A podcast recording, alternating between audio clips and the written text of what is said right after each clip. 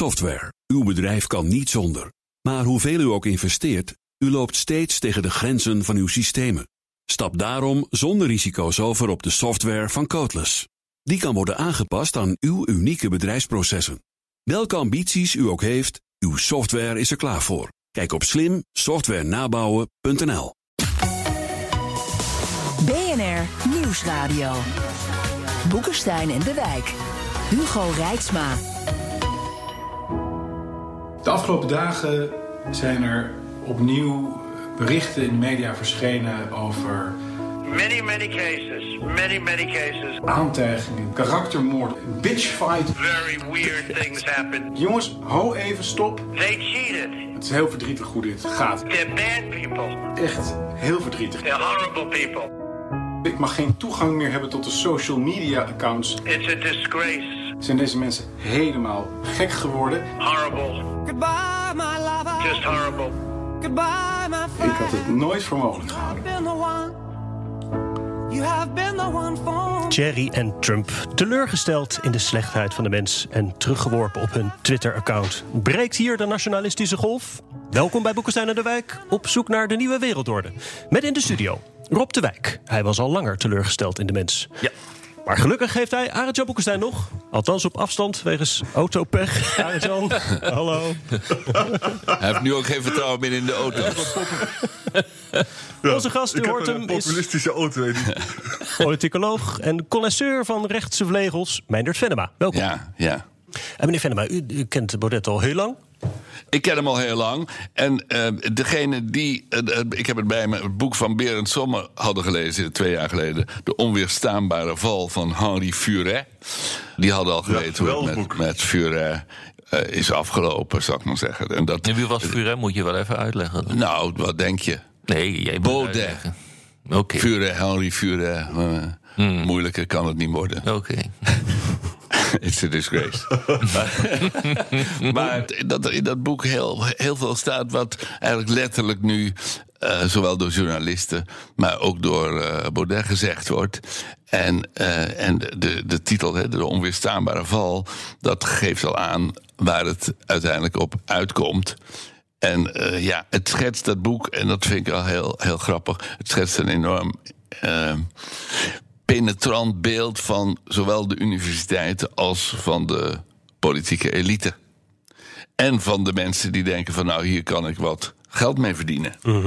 Want dat is natuurlijk eigenlijk, eh, die, die, die Berend Sommer zegt ergens, die laat iemand zeggen van ja, eh, om een variant op Clausewitz. eh, politiek is het najagen van persoonlijke doeleinden met publieke middelen. en dat is het eigenlijk. Dat, zie- dat zie je, dat zie je bij, bij, bij Trump heel sterk nu. Eh, en, en bij Baudet natuurlijk ook. En, en gisteren vertelde Aren- Arendo Jouster nog dat hij hem had aangeraden om de politiek in te gaan. Want hij was volkomen broke en hij Ja. had de- op de universiteit had hij het verknald. En toen zei Ar- Arendo van ja, waarom ga je niet de politiek in? Dan heb je in ieder geval een vast inkomen. Toen dacht ik, jezus. Hè? Ja. Maar dat heeft hij gedaan. En, en eh, ja, hij heeft nu een, een organisatie waar die. eh, Hoe lang krijg je wachtgeld eigenlijk? Als je eruit wordt. eh, eh, maar drie jaar tegenwoordig hoor. nou ja, ja. Oh, ja. Maar hij heeft, natuurlijk- hij heeft, hij heeft, die, die, die, die, die- hij, is, hij heeft de penningmeester op zijn hand natuurlijk van, van Forum voor Democratie. Dus hij heeft, hij heeft eh, De kas heeft die- hij nog. diepe zakken. Arend-Jan, jij hebt ook al wel een geschiedenis met die jongen. hè? Hoe heb jij eh, de afgelopen week zijn wederwaardigheden gevolgd? Ik moest weer denken aan eh, september 2006. Ik, was, eh, ik zou Kamerlid worden. En ik ging naar een, eh, een, een liberaal café op het Torbekkenplein. En er waren allemaal mensen die wilden assistent van me worden. En één daarvan was Thierry Baudet. Ik kende hem helemaal niet toen nog. Eh, die kwam naar me toe en zei van... ja, ja, je bent een interessante man en een denker.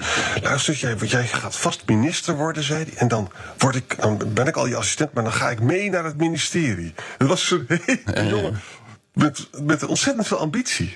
ja. En eh, later heb ik hem allemaal dingen meegemaakt. Tot aan nog eh, eh, drie jaar geleden, januari, dat hij dus naar mijn appartement in Amsterdam kwam en zei van eh, jij moet met mij mee gaan doen.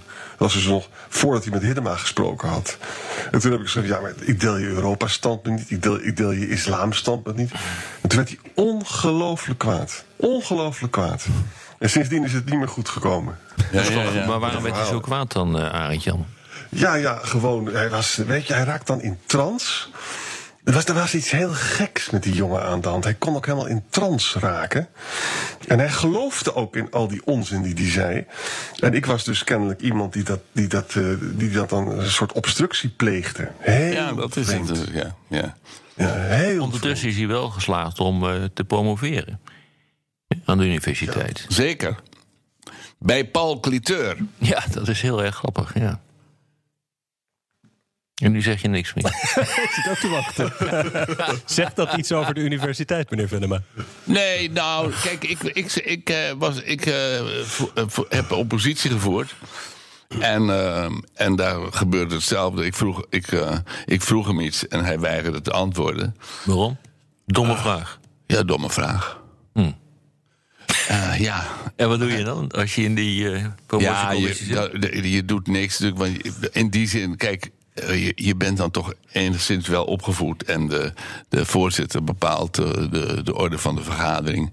Dus dan ga je niet lopen schreeuwen van eh, je bent een oplichter en sodemiet erop. en eh, trek de jurk uit. En, weet je dat doe je allemaal niet. Maar ja, het, Wel raar dus. het was die, die, die promotie was een bizarre Maar aangelegenheid. dat, waarbij- dat, dat proefschrift van hem... eh, is dat nou ook wat je terugziet in zijn manier van politiek eh, bedrijven? ik Nou, heb daar, ik heb daar diagonaal, doorheen gelezen... dus ik kan dat niet helemaal beoordelen. Ik heb het eh, be- besproken in de Volkskrant. Ik heb hem eh, drie ballen gegeven. Omdat ik het... Ja, het is wel een, een, een stuk waarin hij nieuwe theses ontwikkelt... die, die Mhm. innovatief zijn. Alleen, Zoals? nou, zoals, zoals het idee dat ehm, eh, het cultuurrelativisme... dat dat de dood is van de Europese Nou, die, uh, ma- maatschappij. Ja. En, maar goed, als ik dan, ik, toen heb ik in die, in die column geschreven... ja, het grappige is, zijn opa... die beweert nu juist dat het cultuurrelativisme... de kern is van de westerse beschaving. Van de christelijke beschaving. Ja. Mensen zijn altijd... De christenen zijn altijd bang dat ze het niet goed doen. Ja. Maar daar heeft Baudet geen last van. Maar dat, dat- begrijp je? Nou ja, en, maar wat, wat uit dat proefschrift blijkt... is dat hij totaal geen eh, respect heeft voor feiten. Ja, Dus wat hij- ik zo erg vond in dat proefschrift Meijner, dat ik Ja. het zeggen mag, van, weet je, dat, hij is heel erg bevriend met die John Laughlin, hè, die Ja. ook werkt voor het Europese parlement. Ja. Nou, die heeft dat boek geschreven, The Tainted Source, de besmette bron van de Europese integratie. En dan komt er dus die leugen dat het allemaal, dat, dat de founding fathers van Europe, die zijn beïnvloed door fascistische denkers die ook ideeën over Europa hadden. Ja. Nou, die hele these slaat helemaal nergens op. Maar wat Nee. doet Thierry? Die gaat dat prominent overnemen. En die John Laughlin die deugt van hier tot aan Moskou niet. Die heeft gewoon letterlijk voor Moskou gewerkt en nog steeds. En, en kan, kan iemand mij nou uitleggen? Kijk, Thierry is een intelligente jongen. Hij kan schrijven, hij kan denken. Wat is er nou... Kijk, dat je, dat je je Burke gaat lezen, dat begrijp ik. Dat is heel erg interessant. Hè? Maar wat is er nou eh, aantrekkelijk aan iets als antisemitisme? Ik bedoel, dat is toch gewoon verschrikkelijk? Kan iemand dat dan nou gewoon Of, pro, pro-Rusland zijn. Dat is natuurlijk Ja. nog wel even een punt. Ja. Nou, wat is oh, daar nou ik- ik- sexy aan? Nou ja, het, wa- wat hij sexy vindt is, is alles waar jij boos over wordt. Ja. Ja, dat, Dat vindt dat hij leuk. dan zijn. Ja. Dan zegt hij, nou moet je eens kijken, nou zijn ze allemaal wat een hypocriete lui zeg. Want tussen me zo, ha ha ha. En dan heeft hij weer een... Heeft hij weer een Maar is dit, nou, eh, is dit nou een atypische populist, om het maar zo te zeggen? Is dit nou... eh, ik bedoel, Ik het moet niet alleen maar... Het moet niet alleen maar over Trump kan zeggen. Nee, het moet niet alleen maar over Baudet gaan, maar het moet ook Ja. eh, over, eh, over Trump gaan. eh, Ja. Misschien over Bolsonaro, Erdogan, Mhm. Orbán, Kaczynski. Nou, moet ik nog even doorgaan? Eh, dat kan namelijk wel. Eh, ik zie trouwens niet, want dat is niet een populist. Dat is gewoon een autocraat. Maar is dit nou exemplarisch voor dit type mens? Ja of nee? Dat fascineert me echt, eh, die vraag. Ja, nee, ik denk voor een deel wel. Omdat ehm, me- mensen, laat ik zeggen, die op deze populisten stemmen... die hebben het gevoel dat ze door dat discours van de elite niet heen komen. Ja, wat die is het discours van de elite dan? Dat is dat je zegt, jij moest nog eens een boek lezen. Zou Want jij- het is duidelijk dat je het nog niet helemaal snapt. Ja. Eh, Dat, dat, die, die arrogantie die jij ook hebt erop. Van eh, kijk, eh, ik, ik heb hier goed op gestudeerd. En je moet niet denken dat je in twee weken mij van de sokken kan blazen. Dus dat, dat is gewoon wat, wat de elite vindt. En voor een deel terecht. En jij Dat als hoogleraar hebt nooit een boek gelezen. Nou, en jij heb- als heb- hoogleraar vindt dus ook niet eh, dat het wel belangrijk is om af en toe eens wat kennis tot je te nemen en van daaruit de discussie aan te gaan. Professor Venema. Nee, maar het is, het is ook gericht tegen mij. Oh, oké. Ja, ja, ja. En, en eh, het punt is dat, men- dat mensen toch het gevoel hebben... daar kan ik niet tegenop. Daar kan ik niet tegenop. Ik, hoef, ik hoef- ik kan het wel proberen om, Hmm. om, om tegen te spreken... maar die lui lullen je van de sokken. Ja. En dan komt er iemand en die zegt... Fok, fok. En dan zeggen u, ja, maar zo mag je niet praten. Ze zeggen ze nog een keer fok. En dan zeggen die mensen in, het- in, in, in het platteland... wat een goede vent is dat, die zegt gewoon fok. Ja. En, en tegelijkertijd spreekt hij Latijn. Ja, maar mij is Ja. ook toch iets anders aan de hand. Want als je bijvoorbeeld nou Trump vergelijkt met Thierry of met Orbán... Hè, dan kan je dus zeggen, kijk, Thierry en Orbán... dat geldt trouwens ook voor Steve Bannon... Dat zijn mensen die wel gelezen hebben. Heel duidelijk. Is- Is met een beurs van Soros, is die naar Oxford geweest, weet je nog? En, en ik denk ook dus dat dat idee van dat illiberale democratie... dat Orbán, dat is niet, niet alleen maar een methode om stemmen te mobiliseren... maar hij gelooft er ook. Hij gelooft er ook in. En dat is bij Thierry... En dus, kijk, Trump is volstrekt amoreel en immoreel. Gewoon, is een electoral marketeer. En anything goes om dat te bereiken. Bij eh eh Orbán en ook bij Thierry zit wel een, ook een ideologische component. Ja, maar dat bij Trump ook. Ja. Bij Trump, ik, ik, ik- kijk, bij Trump, al die lui zijn nationalisten. En conservatief. En, en conservatief en racisten. ja. Ja, en dat, en dat is niet zo raar. Want. eh, eh, de- was wel weer een die- stroming. Die, die, die, globalisering die leidt tot een enorme in, Ja. influx van mensen met een andere cultuur, met een andere k- eh, kleur. En die komen binnen en die zeggen tegen eh, die, die de Hollandse boerenlullen. En nu spreken wij geen Nederlands meer, we spreken nu Engels. En eh, all is diversity. Are you diverse? En dan zegt die man. Hoe? hoe? Nou, dan doe je niet mee. Over dat nationalisme spreken we zo verder. BNR Nieuwsradio. Boekenstein en de Op zoek Wijk. naar de nieuwe wereldorde. Dit is Boekenstein en de Wijk. En dat programma is natuurlijk niet zonder Arend-Jan Boekenstein en Rob de Wijk. Bill Gates, George Soros, Frans Timmermans. Vergeet ik nog mensen? Mijn naam is Hugo Reitsma en onze mensen. gast is Nou, emeritus hoogleraar politieke theorie, Meindert Venema. Meneer Venema, u noemde al het, het nationalisme. Ja. Is dat met het vertrek van Trump een slag toegebracht voor zijn geestverwanten, zoals Baudet, Wilders, Orbán? Rob noemde het hele rijtje al op. Nou ja, eh, op kortere termijn wel natuurlijk. Want, want eh, dat, ik bedoel, Boris Johnson, hebben die ook Ja. genoemd? Nee, Ja, die heb ik goed vergeten. Maar die gaat, daar gaat het slecht, ook slecht mee. Ja. Ehm, Nou, dat, dat, dat is wel fascinerend. Hè? Eh, Of de boel die stort in, zoals voor Ja. de democratie. Of ze maken er financieel een puinhoop van. Erdogan. Ja. Met een totaal krankzinnig Ja. rentesysteem... Ja. waardoor dat hele land aan de grond afkomt. die heeft de rente niet Dan die ide- idiotie in, bij Boris Johnson. En maakt van de pandemie maakt hij een puinhoop. Eh, het, het land staat er financieel dramatisch voor. Bolsonaro doet dat. Trump doet dat. Het lijkt wel of deze mensen totaal niet geïnteresseerd zijn... in het besturen van een land. nou, dat, dat speelt een rol. Maar ik denk ook dat het. ehm, eh, ja, dat het, programma van het nationalisme. Dat, dat is natuurlijk moeilijk, moeilijk uit te voeren.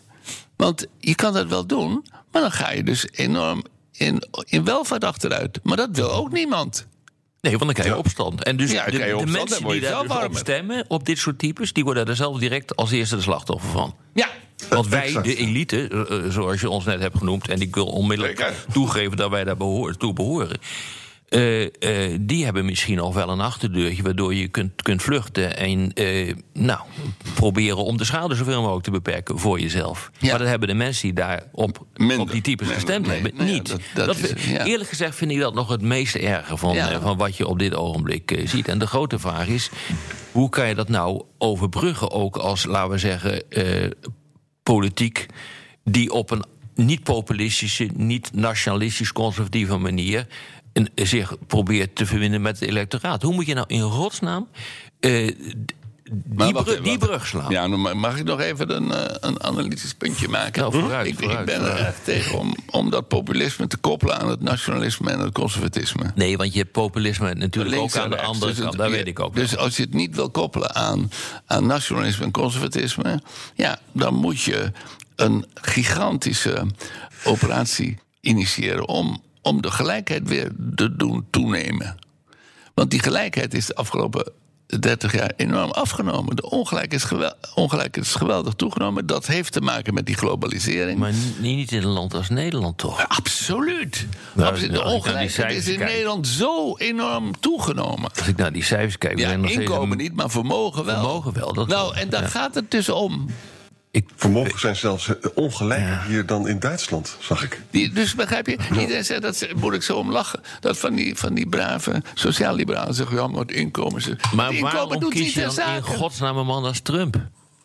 Ja, Een ja, zelfverklaard miljardair. ja, maar, ja, maar dat is dus de Dus, contradictie. dus, dus die, die mensen die op die type stemmen... die stemmen dus rustig op iemand die echt gigantisch rijk is. ja. En dat is nou precies wat ze voor afschuwen, omdat, eh, de, de, en je- eh, omdat jij zegt dat, de- dat Ja, de verschillen dat in vermogen zo groot zijn ik- geworden. ik heb- Wat is hier nou in godsnaam aan In, de in hand? 86 woonde ik in de Dominicaanse Republiek. Dat Mhm. lijkt heel erg qua politieke structuur op de Verenigde Staten. En daar waren drie kandidaten. De ene was de zittende kandidaat. Dus de een was nog rijker dan de ander. De, de, zittende kandidaat daarvan gingen het eh, bankafschriften rond... waarin bleek dat hij elke dag een miljoen pesos overmaakte... naar een rekening in, eh, in eh, Zwitserland. Die op zijn naam stond, op de naam van zijn vrouw. De andere, die, die had enorm veel mensen vermoord... die, die behoorden tot, tot de linkse rebellen. En de derde was een ho- hoogleraar, een, professor, die maar zeven maanden eh, geregeerd had ooit. En toen was hij afgezet door de Amerikanen. En die, die, die professor die, die, had campagne, die voerde campagne onder de slogan: Kies Ju- Juan Bos. De man die nooit gestolen en nooit, nooit geroofd heeft. En de tegenstanders die zeiden... daarom is hij ook niet geschikt als president. Ja, helder. Begrijp je? Dus mensen worden cynisch Maar, en maar, denken van... maar eh, de- jouw vraag was, eh, eh, Hugo... is het nou een klap, hè, het verdwijnen van Trump... voor dit soort types in Europa? Voor Orbán bijvoorbeeld, die de Trump voor Trump Nou ja, genoemd. kijk, eh, als je dus een andere president hebt... eh, bijvoorbeeld eh, eh, Erdogan heeft ruimte gekregen... doordat Amerika niet meer leidde. Dus kon hij dus al die dingen doen Ja. in Libië, in, het, in, in Syrië... in Nagorno-Karabakh... eh, omdat, hij dus, omdat de NAVO geen leider meer had... Eh, dus je kunt je voorstellen dat als eh, eh, Biden daar komt... eh, dat hij dat soort types beter in de hand kan houden. En dat geldt ook voor Orbán en Kaczynski. Die liepen natuurlijk ook helemaal weg met... eh, maar tegelijkertijd hebben ze natuurlijk nog wel een alternatief. Ze kunnen ook nog verder doorswitchen van Trump naar Poetin. Want realiseer, dat vind ik ook het meest fascinerende... bijna al deze types, inclusief Baudet...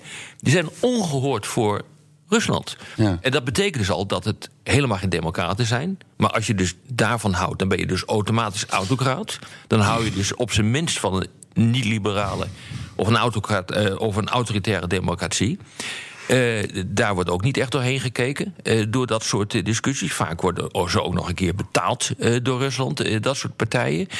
Of zullen we nou, dat is ook een vraag zowel aan, aan Jan als aan Venema... van gaan we nou een verschuiving zien van Trump naar Poetin bij deze mensen... waardoor ze toch nog weer aan de macht kunnen blijven... en ook gebruik kunnen maken van alle fake news... beïnvloedingscampagnes die uit dat land komen, of niet? Of is het nou echt een klap? Ik weet het niet, eerlijk gezegd. Nou, kijk, ik kan er wel wat over zeggen. Kijk, in Polen is de Poetin-optie kan niet. Hè? Polen zijn, eh, zijn dat heel klopt. kritisch. Die zijn ontzettend anti-Russisch. Ja. En, en weet je, het, het, Orbán is eigenlijk een veel eh, slimmere eh, operator als Trump. Hè? Orbán was al, is al jaren bezig. Uh, Orbán heeft een, heeft een verhaal dat erg beklijft bij uh, de Namelijk, wij hebben uh, in de 16e, 17e eeuw de moslims verslagen. Mhm. En het anti-moslimgevoel is ongelooflijk sterk ontwikkeld in Hongarije. Er woont nauwelijks een moslim, maar dat is heel sterk. Dat kan je, kan je allemaal opvoeren. Het tweede truc die hij die, die doet, dat zie je ook in het boek van Krastev. Hè? Dat hij gewoon zegt: ja, luister eens, eh, wij hebben, wij hebben onder het juk gezeten van, van de Russen. En we gaan niet nu, nu onder een soort Brusselse autocratie. Nou, dat spelletje kan je nog lang spelen. Maar voor de echte, voor de echte nationalistische conservatieve krachten is voor velen is echt Poetin een, echt een spirituele leider omdat hij namelijk daar ook zijn handelsmerk van heeft eh, eh, gemaakt. Ook met die, eh, de conctie die hij heeft gesloten met de orthodoxe kerk. En dus voor de zuiverheid gaat van de Europese burgers. Daar zit dus een hele gedachte achter die heel erg aantrekkelijk is. Maar Meijner, wat vind jij dan? Nou, gaan ze, gaan Trump, eh, Trump nou inruilen voor Poetin, ja of nee? Dat gaan ze zeker doen, want ze hebben geld nodig. Maar, ehm, Ja, dat is een hele platte reden. maar eh, of dat aanslaat, dat is jouw vraag. Ja. En dan zeg ik, nou ja, ik ben eh, alweer heel lang geleden... lid geweest van een populistische partij... die de banden hield, onderhield met, met eh, Moskou. De Communistische. Partij van Nederland. En, ehm, maar, en, en, maar dat is nooit succes- zo succesvol geweest. En, ehm, en eigenlijk is die partij in de jaren zestig pas weer succesvol geworden... Ja. toen ze die banden hadden doorgesneden. En zeiden van nee, nee, wij, wij, zijn- wij zijn niet van Rusland. Ja. Begrijp je? Dus, dus het, het, hangt, het hangt erg, dat erg af van de, eh, van de situatie per land.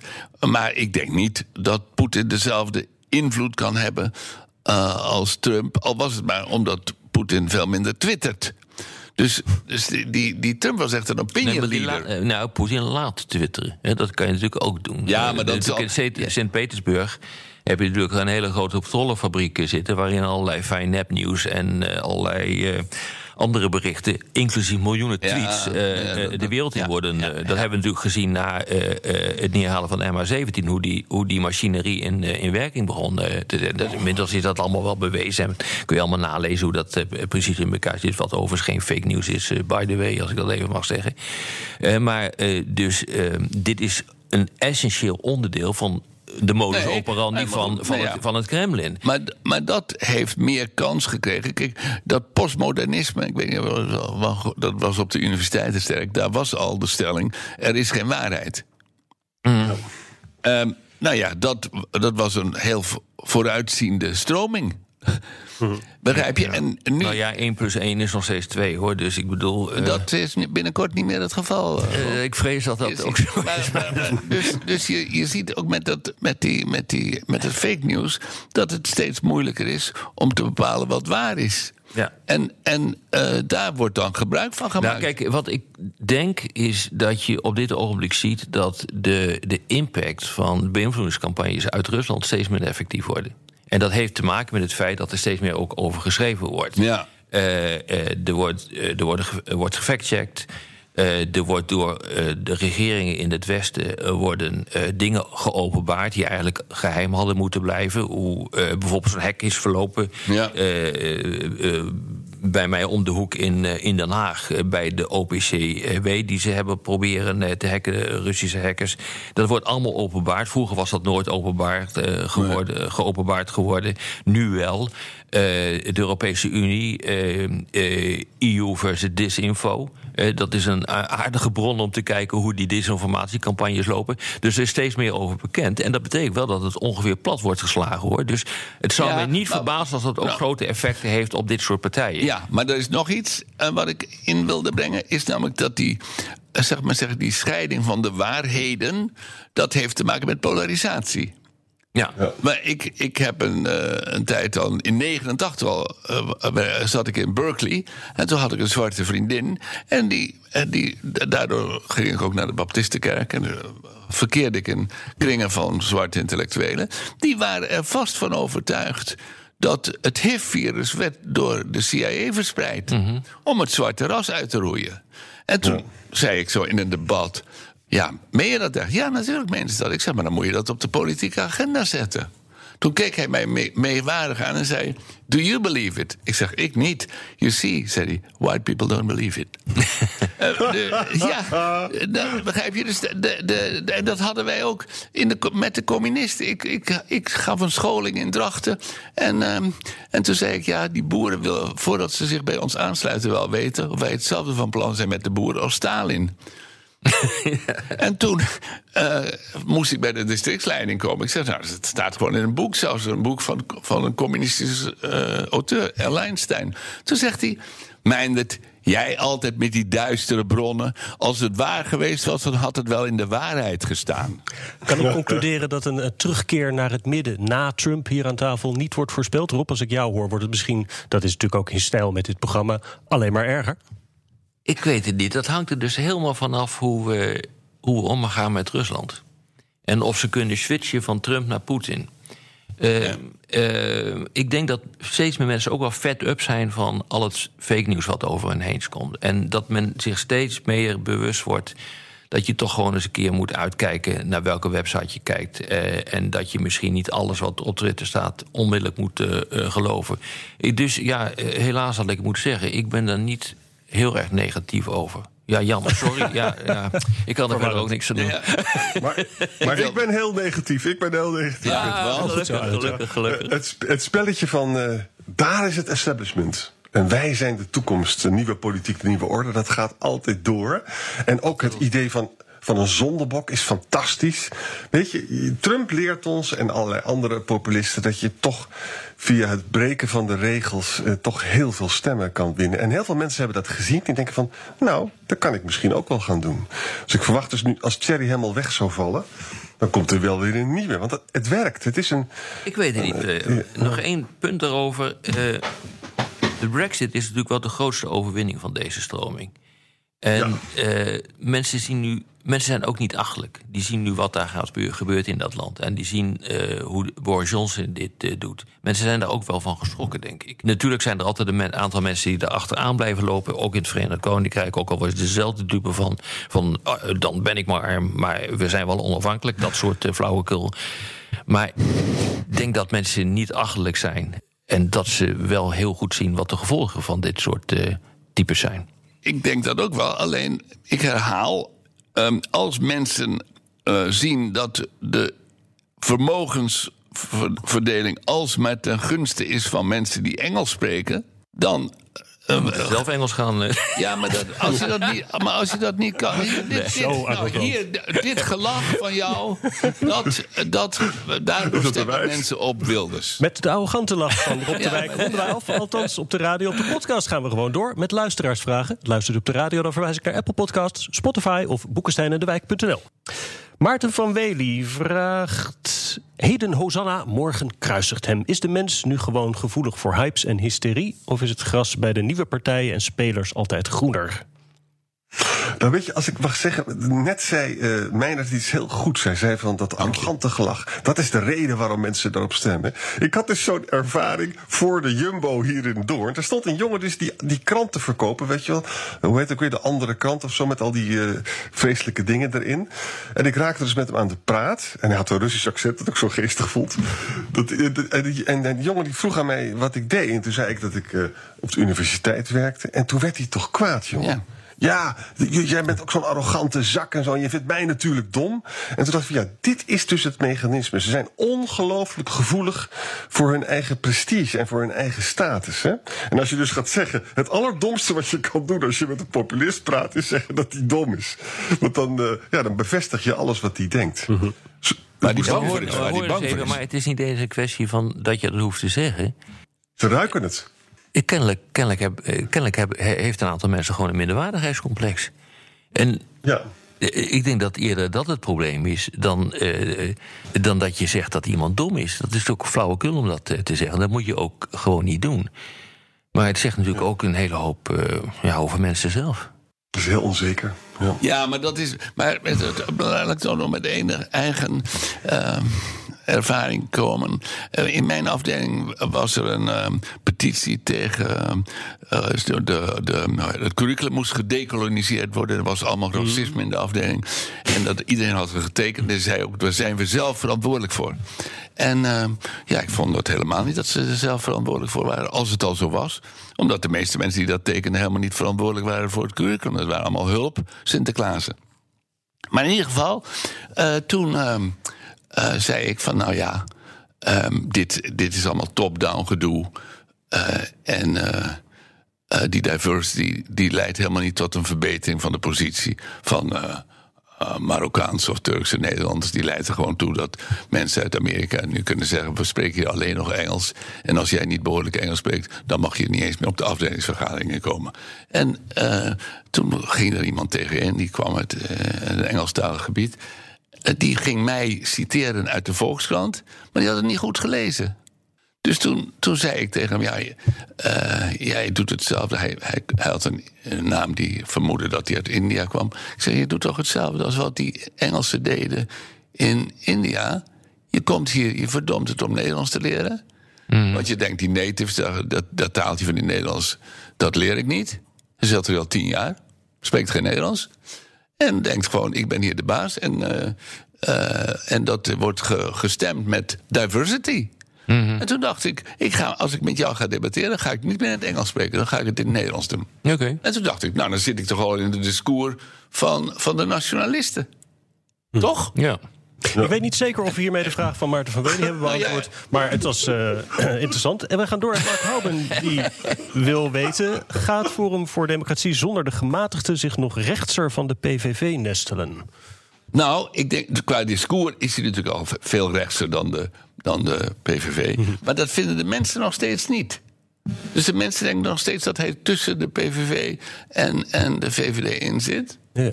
Maar goed, door dat antisemitisme... Uh, kan zou je kunnen zeggen dat veel mensen denken... Nou ja, dan, dat is wel heel erg rechts. Maar ja, het kan ook zijn dat uh, mensen gaan geloven in, in dat pedo pedofiele netwerk. En die aanval op Soros en uh, op die man van, uh, van Facebook, heet die man ook alweer? Zuckerberg. Ja, dat gaat ook maar door. En dus het is ja, maar niet... de vraag natuurlijk is hoe groot dat is. Hè? Uh, nou ja. uh, dat is, vaag ik echt te betwijfelen. Hoewel, uh, nou, het schijnt 20, 25 procent, sommigen zeggen 30 procent wel gelooft in, in complottheorieën. En, en overal moeten de synagoges be be beveiligd worden. Ja. Het is ongelooflijk. Doe nog eens een vraag.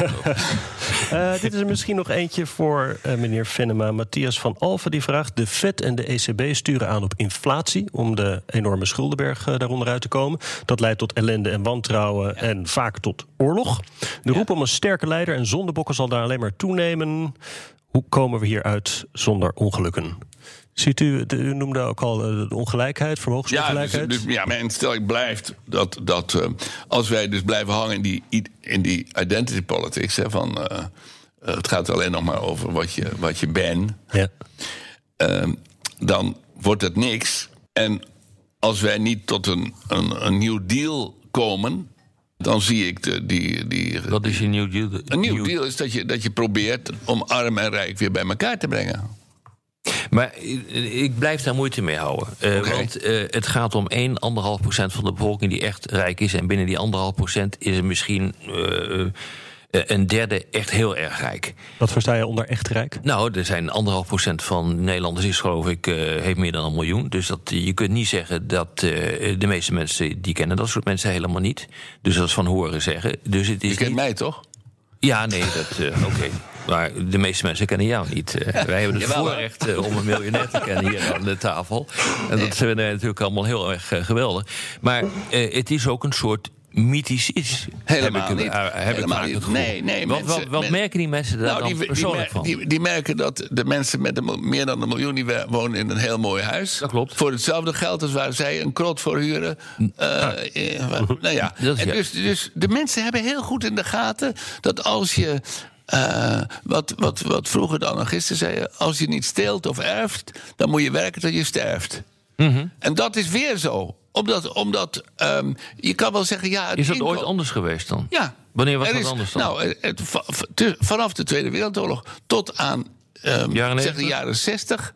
was er een, een toenemende afname van de ongelijkheid. Mm -hmm. Dus na de, wereld, na de Tweede Wereldoorlog is onmiddellijk in Nederland, we hebben het nu even over Nederland, zijn de huizen, huiseigenaren en de, en de grondeigenaren aangepakt. Door Drees. Mm -hmm. En um, de, de, begrijp je, die geleide loonpolitiek was gebaseerd op een krachtige beperking van de pachten en de huren. Nou, dat ja. is helemaal losgelaten. Er zijn, ja. uh, dus de, de sociale woningbouw bestaat nauwelijks meer. Uh, als je door de pijp loopt nu, dan hoor je alleen nog maar Spaans en Engels. Wist je dat? Mhm. Kom je wel eens in de pijp? nou ja, maar vroeger kwam je nooit in de pijp.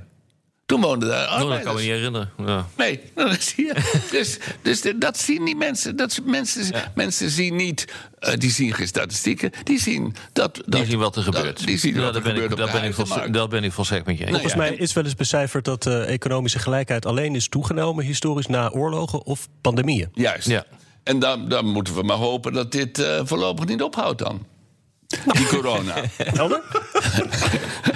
Michiel Visser vraagt: Is er wel zo'n groot verschil tussen populistische en normale partijen? Het verschil in bestuurlijk vermogen lijkt me nihil. Zie ICT, huizenmarkt, milieubeleid, belastingdienst, taakoverdracht naar gemeente, kinderbescherming enzovoort. Ik, denk dat, ik denk dat het verschil groot is. En er, gebeurt ook, er gebeuren ook allemaal dingen eh, die niet goed gaan. Maar dan heb je toch weinig besef van, van de dingen die allemaal wel goed gaan. En eh, als je denkt dat het niet slechter kan gaan, dan ehm, eh, moeten we eens even nog tien jaar wachten onder het beleid van Boris Johnson. Het punt is namelijk bij. bij eh, je zou- kunnen zeggen: ja, wat heeft Trump nu voor narigheid eh, aangericht? Maar je moet je realiseren dat de Verenigde Staten. dat is eigenlijk net de Europese Unie. De, de, de, de reden waarom Trump geen staatsgreep kan, kan plegen. is dat die staten zo enorm belangrijk, Belangrijk zijn. En enorme. eh, Dus die federale regering is wel machtig, maar dat is allemaal heel relatief. Als die staten niet meewerken, is het klaar. Dus het, het is heel goed mogelijk dat ook onder Trump een, een sociaal-democratisch of sociaal-liberaal beleid in, in Californië. Dat gebeurt ook. eh, gaat gewoon door. Ja. En, dat is, en dat hebben de mensen niet in de gaten. En dat gaat in Europa hopelijk ook gebeuren. Dat je zegt van ja, we- zijn wel één Europa. Maar de staten zijn nog heel intern. Ja, het van. is, de Verenigde Staten van Amerika zijn bijna het omgekeerde van de Europese Unie. Hier is de economie veel meer geïntegreerd dan in de Verenigde Staten. En hebben de staten veel meer te zeggen. En op buitenlands eh, gebied heeft de president het voor het zeggen. En Ja. op, het, op dat gebied heeft Brussel bijna niks eh, te zeggen. Ja, dat is waar. Nou ja, kijk, daar moet je nog eens wat meer over nadenken. Hoe dat nou verder moet. Bram Frivrioen vraagt: Is dit een teken dat periodes van crisis veelal juist een stuwende kracht creëren richting stabiliteit en vooruitgang? Covid en nationalisme richten een verdere integratie van de EU en geïntensiveerde samenwerking Nou, tussen wat landen. je wel weet is dat in, in crisistijd eh, maatschappijen collectiever worden. Eh, Ja. en, en, en dat zou dus eh, mijn eh, helaas optimistische eh, these onderbouwen... dat het wel stabieler zou kunnen worden en dat het midden sterker wordt. Omdat de maatschappij per definitie collectiever wordt. Althans, dat weten we uit de geschiedenisboeken. Of dat nu ook zo eh, is, dat, dat de moeten we nog heeft zien. door corona een paar forse stappen gezet. Hè, met Dat mag je wel zeggen. Ik bedoel, als nou er één organisatie beter van is eh, geworden van deze crisis, dan is de Europese Unie wel. En eh, dat is echt voorbij gegaan aan de discussie in, eh, in Nederland. Maar als je kijkt wat er is gebeurd tijdens de twee toppen. Die tijdens de coronacrisis zijn gehouden, de ene in juli en de andere in oktober. Ik raad iedereen aan om de communiqués daarvan te lezen. Dat, is, dat heeft geen precedent hoor. Ja, het enige precedent na de financiële crisis van tien jaar geleden. Geopolitiek en de stabiliteit van de euro die vereisen toch meer integratie van Europa. Nou, meer integratie van Europa is ongelooflijk lastig te bewerkstelligen. Dat vereist eigenlijk een enorme crisis voordat je daar stappen kan zetten. Nou, dat is ook gebeurd eigenlijk. Nooit gebeurd. Ja. Ja. En, en, het, en het is de vraag of de crisis die we nu dus gehad hebben, of die groot genoeg is. Hè? In zekere zin is Biden, wordt ook weer gebruikt van nou zie je wel, dan kunnen we toch weer een beetje achterover Ja, dat is En wat dat zou- doen, ja. En dat is het stomste wat je kan doen. Ja. Maar dat kan zomaar gebeuren. Ja. Dus ik ben heel benieuwd hoe dat gaat lopen. Ik begrijp dus dat uh, Arend Jan en Meindert Venema hopen dat deze crisis nog een beetje. Nog dieper wordt. Er moet een oorlog bij. Dit was weer Boekenstein en de Wijk. Namens Arend Jan Boekenstein en Rob de Wijk zeg ik dank voor het luisteren. Speciale dank aan Meindert Venema. En tot volgende week. Oké, graag gedaan.